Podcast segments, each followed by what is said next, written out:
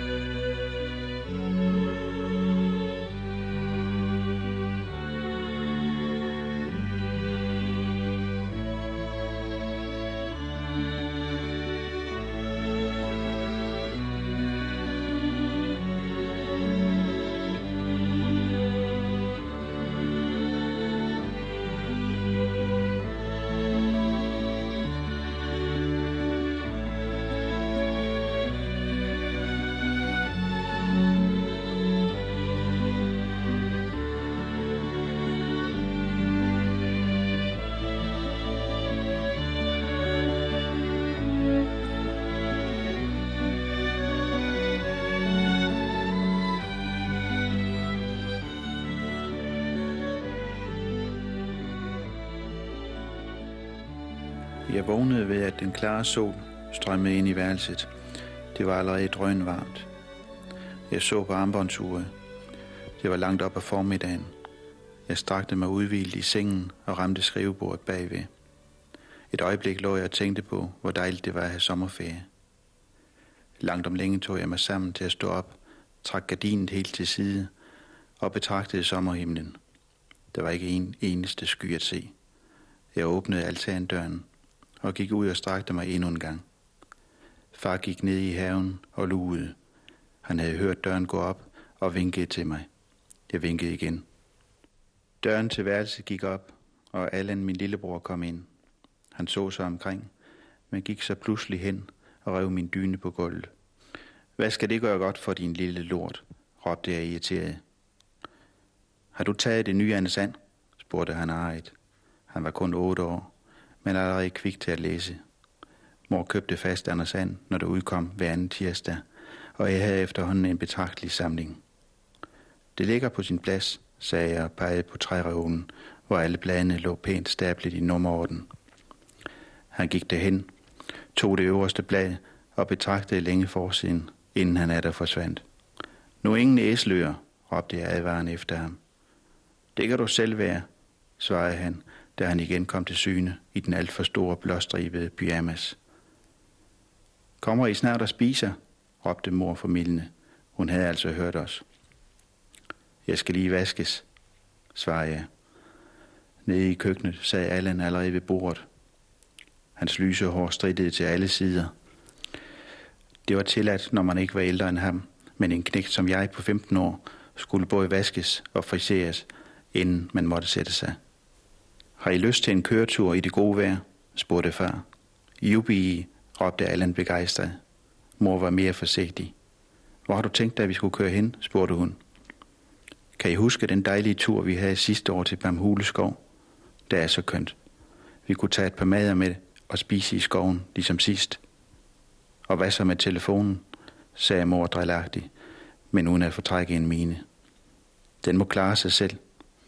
Sørensen har nok at se til i dag og i morgen har jeg ikke tid, for der kommer kølevognen med sydfrugter, og i overmorgen er det gode vejr måske forbi.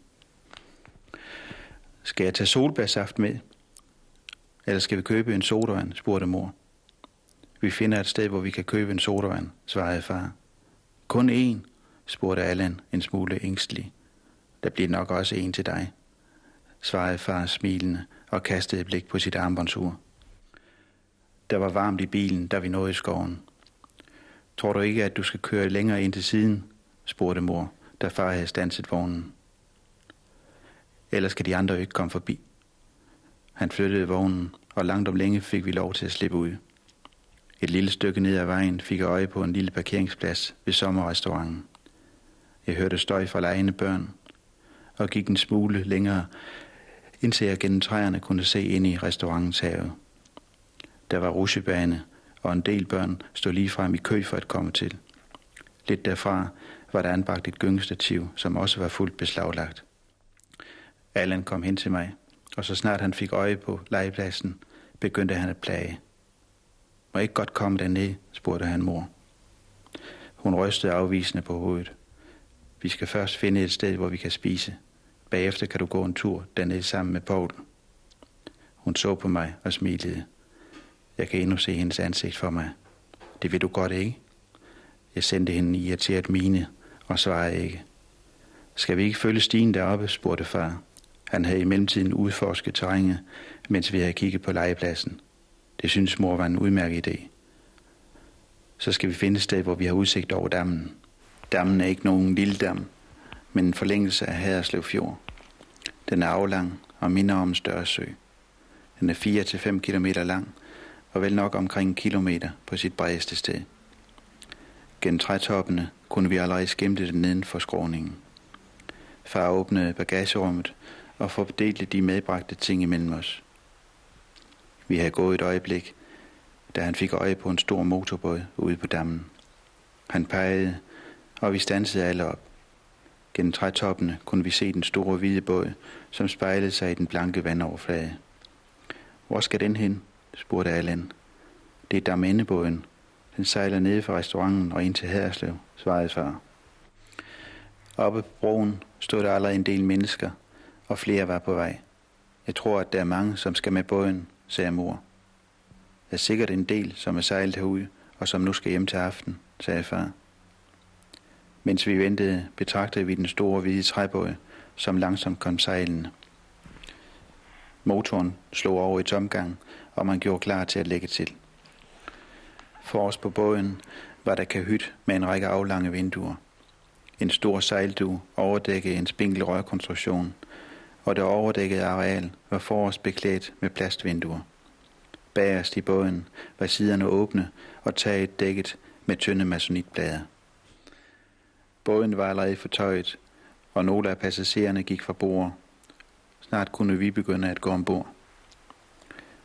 Flere kom til og stillede sig i køen, som kun langsomt bevægede sig. Endelig var vi kommet ombord på båden, og vi gik samlet ned i agterenden, hvor vi fandt nogle pladser. Lidt efter var alle ombord.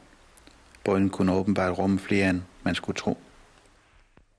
Og efter at have ringet afgang med klokken, øh, sejler øh, Ristofte så ud fra Forhåndene og vi sejler afsted, og efter at sejle et stykke til, så kommer vi igennem et dejligt stort område, hvor der er åkerner over det hele.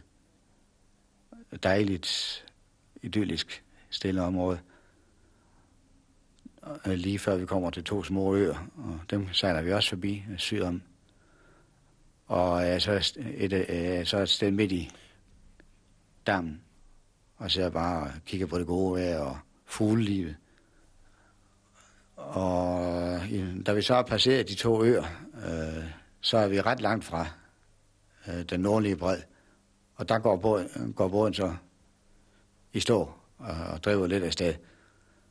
Og øh, føren, bådens fører får så øh, prøver så at starte den igen og få den i gang, og vi kommer et lille stykke igen, så går den i stå igen.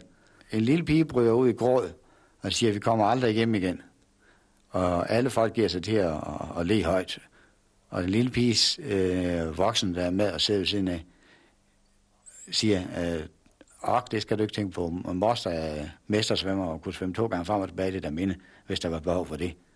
Om et øjeblik, så sejler vi igen, og så er vi, om, er vi, tager det ikke mange øjeblik, så er vi inde i Haderslev. Og så øh, får øh, føreren båden i gang igen, men det går igen kun et lille stykke, så, så driver den igen.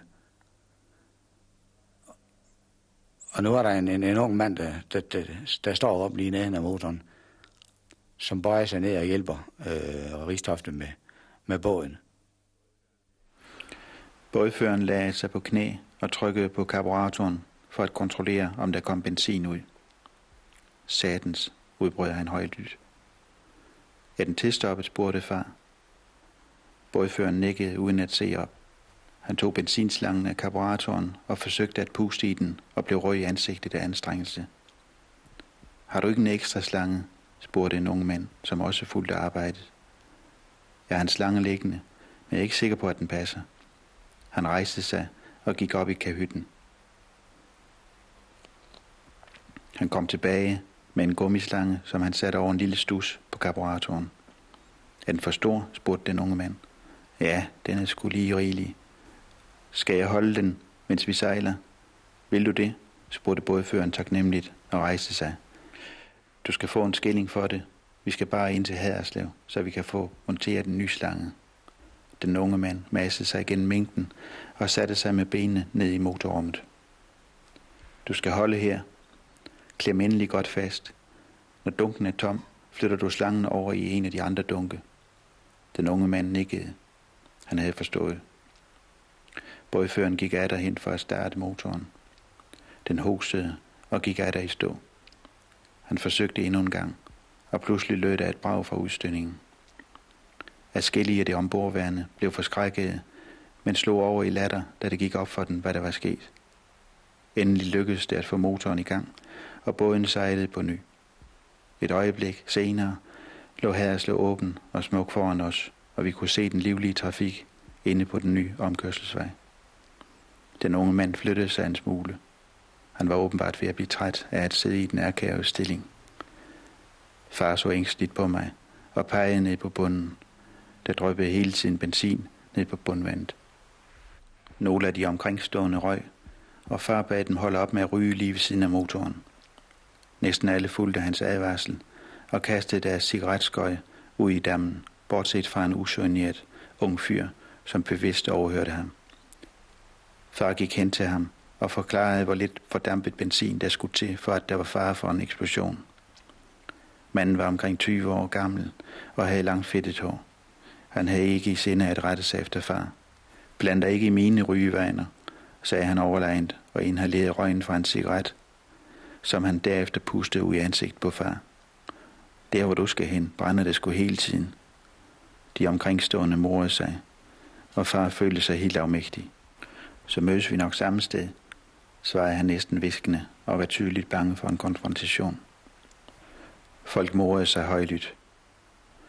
For yderligere at provokere tog den unge mand cigaretten ud af munden, og mens han stirrede på far, smed han den demonstrativt ned i motorrummet, hvor den først ramte motoren, og derefter faldt ned i bunden af båden. Far blev helt ude af sig selv.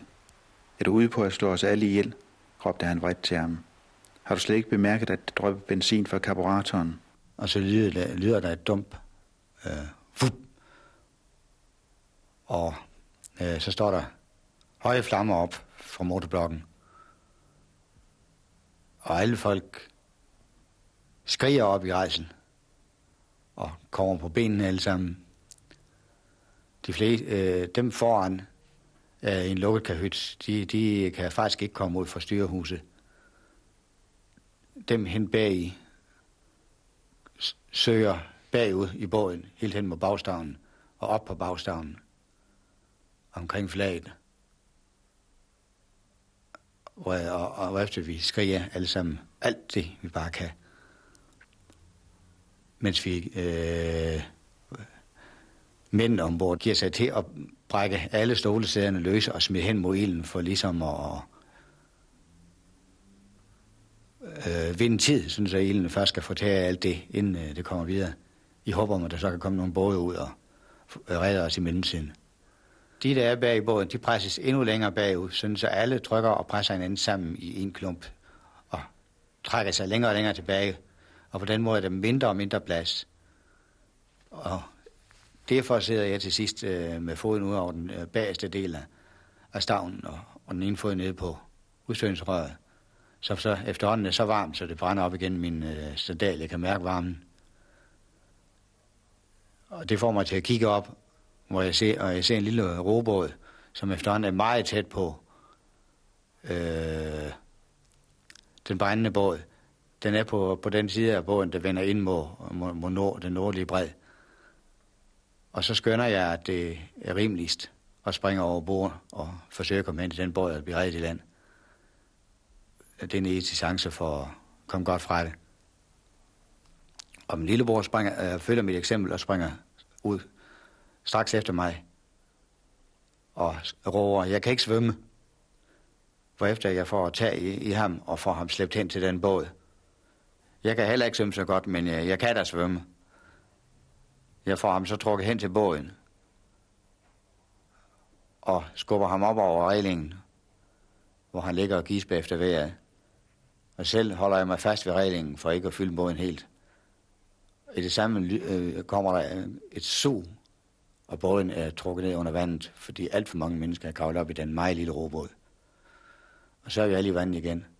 Så hører jeg, så skynder jeg mig at forsøge at svømme på land, og jeg hører bag mig min lillebror råbe mit navn, men øh, jeg har ikke selv kræfter til at, at hjælpe ham. Hvortil kommer jeg også bange for at, øh, at, at vende mig om, fordi øh, vandet omkring båden er efterhånden fyldt med mennesker, der over og skriger og forsøger at hægte sig fast i en. Øh, jeg slår ud med arme og ben til alle sider for at frigøre mig og løsgøre mig fra alle dem, der forsøger at hægte sig fast i mig, fordi jeg kan svømme. Samtidig med, at jeg prøver at presse mig frem mod den næste båd, der kommer. Dem, der er i den næste båd, der ror den, skriger ned til os. I må endelig ikke klare ombord, for så går vi ned ligesom den anden båd. Hold fat i reglingen hele vejen rundt langs reglingerne. Så trækker vi jer ind på den sandravle, der er her i nærheden, og så kan vi blive stående der, og så bliver I reddet senere. Og jeg får tag i, i øh, kanten af, af den båd, og så ror de ind mod sandbanken. På et tidspunkt er jeg lige ved at, at slippe taget og, og give op. Kræfterne er ved at være væk. Men jeg får fat igen og kommer ind og kan pludselig mærke sandbunden under fødderne. Og efter jeg kommer op og står i opret og stående stilling og kigger ud på båden, der, alt imens lungerne går som blæsebæl, og hjertet slår enormt hårdt. Øh, man er simpelthen helt tom og prøver ligesom at komme til sig selv. Ude på båden kan jeg se folk stå lige så stille og roligt, op retstående og brænde op som fakler. Efter at have fået været så nogenlunde, vender jeg mig om mod land og begynder at vade ind mod land. Men efter ganske kort tidsforløb kan jeg ikke bunde igen, og det er så dybt moder, så det tager alle kræfterne, hvis man skal gå i det. Så prøver jeg at svømme igen, men strandbredden bliver ved at synes langt væk. Og til sidst begynder kræfterne at svinde, og jeg får flere og flere gange hovedet under vand. Og, men jeg holder stadigvæk øje med landjorden. Og så ser jeg en øh, dame rejse sig op ind på strandbredden. Med en, øh, hun er kommet i land, og hun har en benzindunk af zink i hånden, og den kyler hun så med alle sine kræfter så langt ud som muligt i retning af mig. Jeg bare skal hen til den og få fat i den, og lægger mig og får fat i øh, hanken på den, og vender mig om på ryggen, lægger hovedet på, øh, på øh, dunken, og svømmer rygsvømning resten af vejen ind. Og lige pludselig bliver jeg taget op af et par hænder inde ved strandbredden. Og det er en eller anden redder fra civilforsvaret, som straks tager sin jakke af og lægger omkring mig, fordi jeg ryster over hele kroppen og fryser.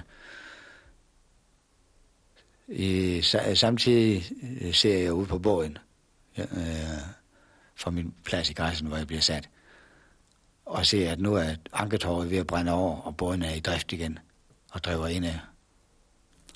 Så løber disse CF-folk frem og tilbage på bredden, og ved ikke, hvad de skal stille op. Andre CF'er løber for vildt og spørger, om der er nogen, der kan give kunstig åndedræt efter jeg melder mig, for jeg har let kunstig åndedræt efter HN-metoden. Men man vælger at se bort fra, fra min hjælp. Jeg venter af der blikket mod båden, som drev lige så stille ind mod os. Flammerne var store, og det bragede i det gamle træværk. Overbygningen var allerede brændt væk, og jeg undrede mig over, at skibet det hele taget kunne holde sig flydende. En tung, svigende petroleumsos drev ind over bredden, som var præget af menneskers sorg og håbløshed. Mange var nået frem for at hjælpe, men der manglede det synlande system i redningsarbejdet. Endnu var der ikke kommet ambulancer. Nogle måtte få søren, der havde ringet efter den, tænkte jeg febrilsk. Alt var præget af tilfældighed og forvirring. Småbåde strømmede til ulykkestedet, og på dampbræden blev offrene tilfældigt slæbt op. Gråbler i ansigterne. Nogle døde, andre bevidstløse eller klagende. Tavse og drivvåde mænd var i gang med at give kunstig åndedræt. De fortsatte de uendelige, og minutterne føltes lange som timer. Endnu hørtes ingen ambulancer. Kapogenapparater, kapogenapparater blev der skrejet, men intet skete. Offer efter offer blev bragt i land. Livløse. På en lille holm et stykke fra land lå der også nogen. I det fjerne kunne jeg høre de første ambulancer, og snart kom de til syne i det bakkede terræn. Sirenehyl fyldte luften og blandede sig med grøg. En lægebil forsøgte at pløje sig gennem en kornmark, men kørte fast. En ambulance fulgte samme vej og kørte ligeledes fast. Jeg tror, det er for sent. Han er død, sagde en mand på den anden side af mig og holdt inde med at give kunstig åndedræt. Bliv ved. Bliv ved, kommanderede en anden ret. Du skal blive ved og ved. Skal jeg afløse dig? En tredje stod lige i nærheden. Her er to. Dem kan du give kunstig åndedræt, råbte han, men det skal gå hurtigt. En kvinde med stive ansigtstræk og afsvedet hår løb vilkårligt frem og tilbage. Hendes kjole var brændt i laser, og hun havde store brændsår på både arme og ben. To mænd løb efter hende for at hjælpe, men hun undveg og løb videre. En anden kvinde løb for uroligt ud i vandet. Pludselig stansede hun og spejdede ud over dammen.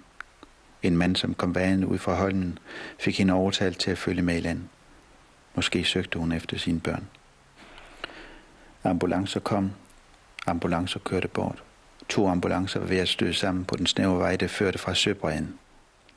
En gammel træbro gav sig faretroende, når ambulancerne kørte over. Chokerede og drivvåde børn klumpede sig sammen. En mor græd utrøsteligt. Ude på dammen var en robåd på vej mod land. Den var overfyldt, og to mænd lå i vandet og havde sig fast til den. Chokeret sagde jeg og fulgte hele sceneriet, som var det på et teater. Aftensolen sendte sit blændende skær hen over vandoverfladen. Det er den samme sol, som jeg stod og nyt derhjemme på altanen for kun seks timer siden. Samtidig lå øh, nogle CF'er, 6-8 CF'er, med en stor gummibåd imellem sig, frem og tilbage på bredden, og ved ikke, hvad de skal stille op. Og råbe op, om de tør ikke sætte den ud, fordi den er gummi, og der, kunne, der kunne, tør de ikke sejle ud i nærheden af den brændende båd med den.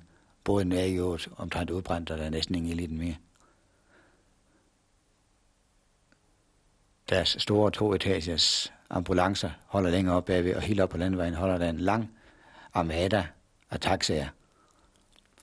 Og på et tidspunkt er der en taxichauffør, der henter nogle af os, der ikke øh, har nogen skrammer ellers. Lige så sorte og snavsede og fulde af mod, vi er, og propper ind i taxaerne og kører os til Herreslev Amts sygehus, hvor vi får et varmt bad, og så bliver anbragt på gangene, hvor vi så kan sidde og kigge på hinanden og skiftes til at græde og skiftes til at trøste hinanden alle sammen. Indtil der er en sygeplejerske, som handler per konduite, og simpelthen kæber en af de taxaer, der stadigvæk kommer med øh, folk udefra. Endelig gav sygeplejersken også noget andet tøj, og viste os, hvor vi kunne tage bag. Knap var vi færdige, før vi fik besked om, at taxaen var kommet, og snart var vi på vej tilbage mod Damene. Klokken var efterhånden halv ti, men det var stadigvæk meget lunt og endnu ikke mørkt. Vi kørte samme vej, som den vi havde kørt til hospitalet, og netop på det sted, hvor markvejen gik ned forbi kirkegården, kunne vi se, at dammen var kraftigt oplyst. Jeg spekulerede på, om min familie stadigvæk lå dernede, eller om de var kørt bort. Taxaen kørte bort, og lå kun lyset fra sommernatten tilbage. Restauranten lå mørk hen og var til synligheden lukket. Skoven stod som silhuet mod den lyse aftenhimmel, men der var intet uhyggeligt ved mørket, for vi kendte ikke længere til angst. Græsset var dukvot, og de lånte lærersko sugede vægen. Vi stansede midt på plænen og stirrede på dammen, som stadigvæk lå spejlblank. Enkelte lygteskær fra huset på den modsatte side aftegnede sig i vandoverfladen og aftegnede striber af lysskær. Himlen var allerede en smule mørkere, og Karlsvognen kunne tydeligt ses. Buske og træer omkring dammen stod nu lige så sorte som skoven. Heller ikke herfra kunne vi se hen til ulykkesstedet. men der var ingen tvivl om, at det kraftige lysskær, som hævede sig over trækronerne længere borte, måtte stamme derfra. Alt var stille og tyst, og kun en let skulden hørtes nede for dammen.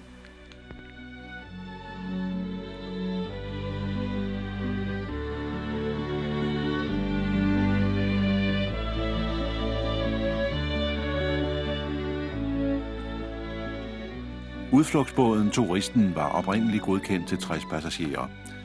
Den var indrettet med 75 sædepladser, men da redningsbælterne skulle skiftes ud, fordi de ikke længere opfyldte kravene, anskaffede bådens fører og ejer hans Otto Georg Ristofte kun 35, hvorfor båden også kun kunne godkendes til 35 passagerer. Den 8. juli 1959 var der 93 passagerer ombord, da båden sejlede den sidste tur fra Damene mod Haderslev. 57 passagerer omkom ved ulykken, 20 af de forbrændinger, de pådrog sig, og 37 druknede.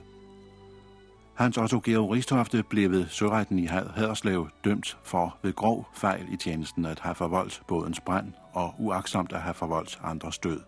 Han blev dømt, og straffen blev sat til 8 måneders fængsel, og så blev han frakendt retten til at føre skib for bestandigt.